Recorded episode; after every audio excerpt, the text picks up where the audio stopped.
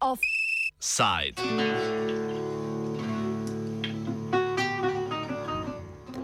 Revizionistična restitucija. Poljski parlament je sprejel predlog zakona, ki bi lahko ob svoji uveljavitvi popolnoma razvrednotil zahteve za vrnitev lastnine ali očkodnine judom, povezane s holokaustom oziroma z obdobjem druge svetovne vojne.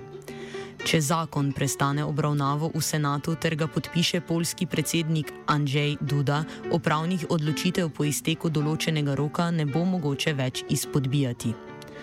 Rok pa odvisno od primera znaša od 10 do 30 let. Zakon bi po utemeljitvi polskega zunanjega ministrstva odpravil goljufije in nepravilnosti, ki so se pojavljale pri postopkih vračanja lastnine. Na ministrstvu so ob tem povdarili, da morebitna nova ureditev nikomor ne onemogoča vlaganja civilnih tožb z namenom pridobitve odškodnine.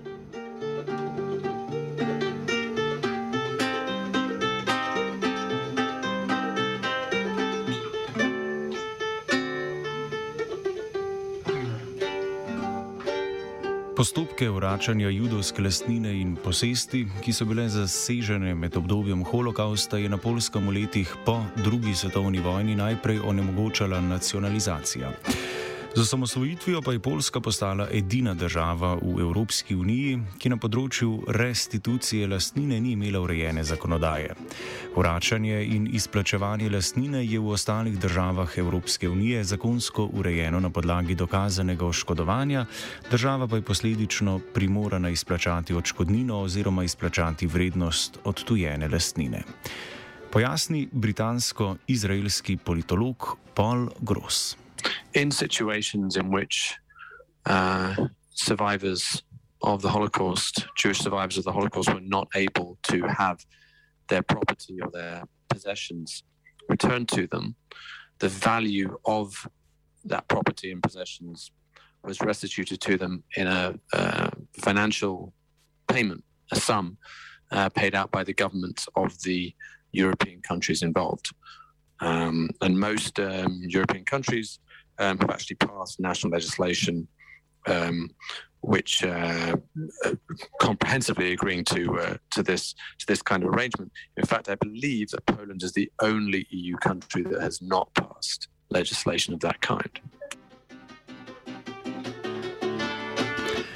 Novi predlog zakona torej uvaja največ 30-letni rok na možnosti spodbijanja sodne odločitve.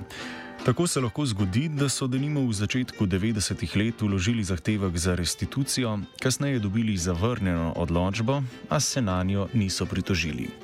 Če bi se danes, več kot 30 letja po polski osamosvojitvi, na zavrnjeno odločbo želeli pritožiti oni ali njihovi potomci, pa zaradi poteka roka za pritožbo tega več ne bi mogli storiti.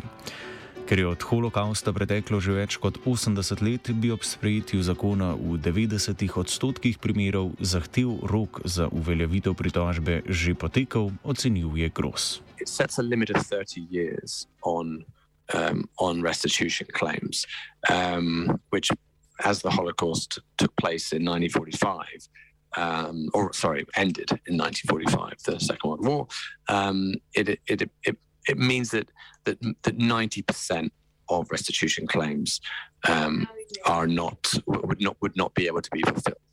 Um, and it, it makes it, I mean it really marks out Poland as the only European country um, that is not um, part of a, a, sort of general European acceptance that part of the um, um, part of the the, the, the, the post World War II settlement um, of Europe is to accept that the victims of the Holocaust are entitled to compensation uh, from not just from Germany, which is Poland's claim. Poland's claim is that um, uh, only Germany is responsible um, for for the for um, the crimes of the Holocaust. When in fact, of course, unfortunately, in every um, or almost every uh, occupied part of Europe, there were many, many, many willing collaborators among the um, indigenous population. Zaradi dolgotrajnosti pravnih postopkov bo rok teh ob uveljavitvi zakona že pretekel, pretekel, zaradi česar polskemu predlogu zakona v židovski skupnosti in Izraelu izredno nasprotujejo, izpostavi novinar izraelskega časnika Haaretz Amir Tibon. So basically, this is a process that has been running for decades now. Um, and the big change that is going to happen now is that anything that was still open, any files that were still open and that were not determined in the past uh, 30 years, could now be put on hold or even uh, erased, and no new claims could be made. That's the main Israeli criticism of the new law.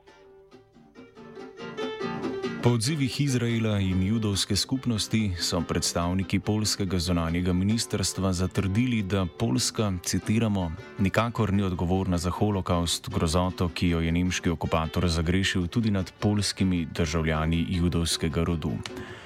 Kljub polskemu zatrjevanju, da zakon bolj dosledno ureja postopke, ki so bili pogosto izrabljeni, so razlogi za sprejetje zakona ideološki.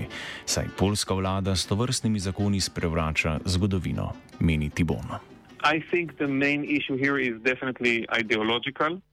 Uh, I'm not uh, aware enough on the you know ins and outs of the internal uh, Polish system, and maybe there could be some reform or changes to make it better. I don't discredit that argument, but I don't think this is what the new law achieves.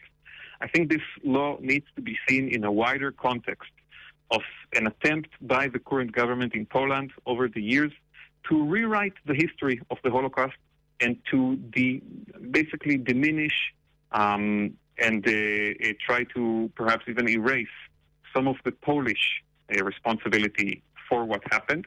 We all know that the Holocaust was first and foremost a crime that was uh, organized and uh, carried out by the Nazi regime in Germany, but there were local collaborators in uh, countries all across Europe and even you know in, in parts of the Middle East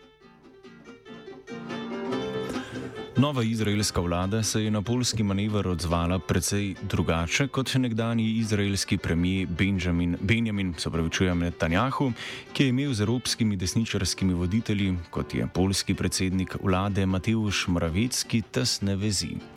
Nova vlada pod vodstvom sionističnega nacionalista Naftalija Beneta in njegovega koalicijskega partnerja, zunanjega ministra Jairja Lapida, ki bo vodenje vlade prevzel po dveh letih mandata, je do polske antisemitske politike zauzela manj diplomatsko stališče.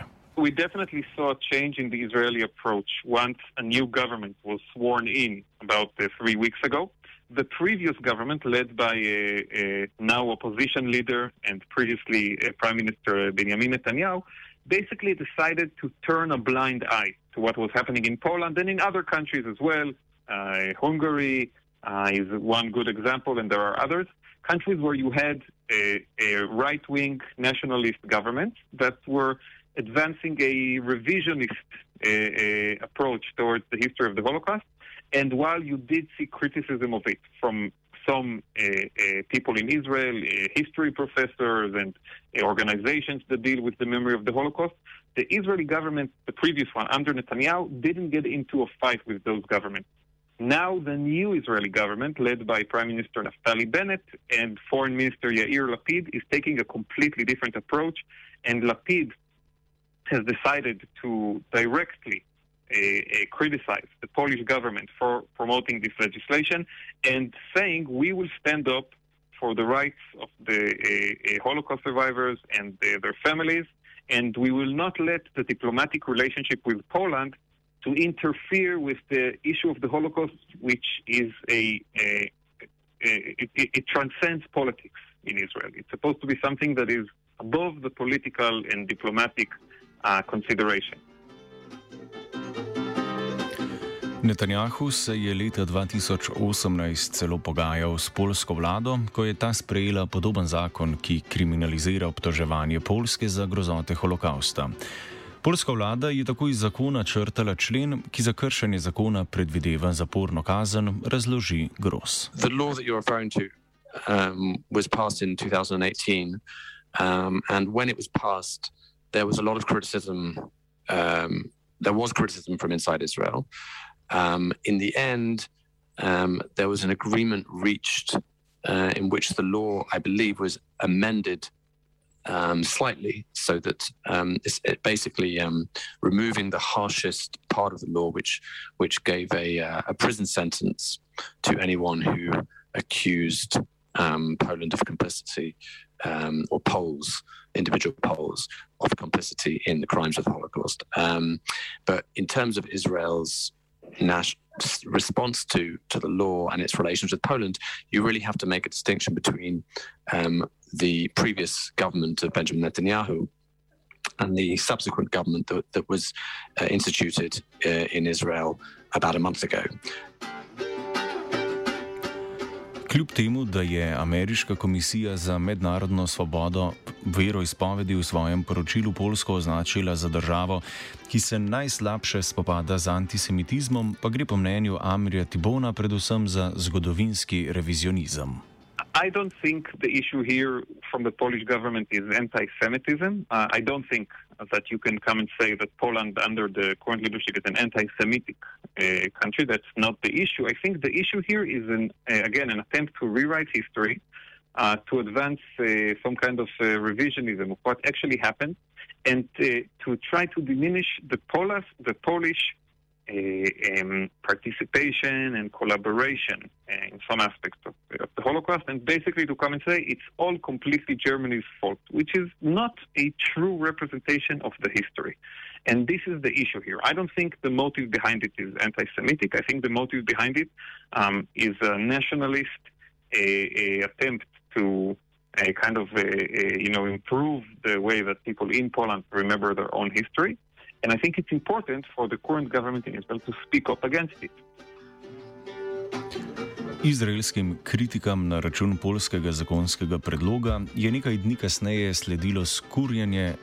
Skrunjenje 67 grobov na židovskem pokopališču v polskem mestu Bielsko Bjala, kar nakazuje na antisemitsko retoriko polske vlade, razloži Paul Gross. It's not a coincidence that following the very, very strong criticism by the Polish government of Israel in recent days um, because of this restitution um, disagreement, controversy. Um, there was an attack on, there was a vandalism of a Jewish cemetery uh, in, I think, Warsaw, in which 50 or so uh, Jewish uh, headstones were smashed and vandalized. Um, and the, um, the chief rabbi of Poland um, said that um, um, you know he he believes that the police are working hard to find those responsible. Uh, this isn't this isn't a case of a state uh, state sponsored um, anti-Semitism or anything like that, but um, that it's you know the, the, the people responsible for this were were almost certainly um, uh, empowered or emboldened to do this by the language being used by the Polish government in response to um, this argument with Israel about restitution. Polsko so zaradi predloga zakona kritizirale mnoge mednarodne judovske institucije in tudi ameriško zonanje ministrstvo, ki jo je celo pozvalo k umiku predloga. Aktivna vključitev ZDA, kako pa na strani Izraela, bi lahko močno vplivala na prihodnost izraelsko-polskih odnosov. Več I think the current government in Israel is not going to back down from its criticism of this uh, legislation. I think this is a personally important issue for Yair Lapid, the foreign minister, uh, who comes from a family of uh, Holocaust survivors. And uh, this is something that uh, Israel will insist on under the new government, even if it creates uh, an, an, ongoing diplomatic crisis with Poland. We've, we've already seen some signs of that, of, of a sense of crisis between the two countries.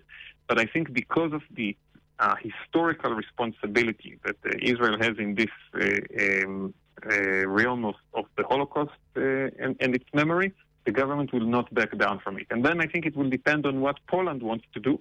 And there's another question here, which is will other uh, actors get involved in this dispute? Will we see the American government that recently, um, under the leadership of uh, President Biden and the Secretary of State Blinken, uh, also initiated uh, a more uh, forceful policy on issues of uh, the remembered and commemoration of the Holocaust, maybe they will intervene. Will we hear something from the European Union?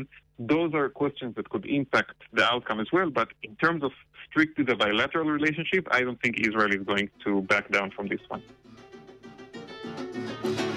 Izraelski zonani minister Jair Lapid je Poljakom dejal, da morajo zaradi zakona Boga prositi za odpuščanje. O tem, ali bo odpuščanje resnično potrebno, pa bo odločal polski senat.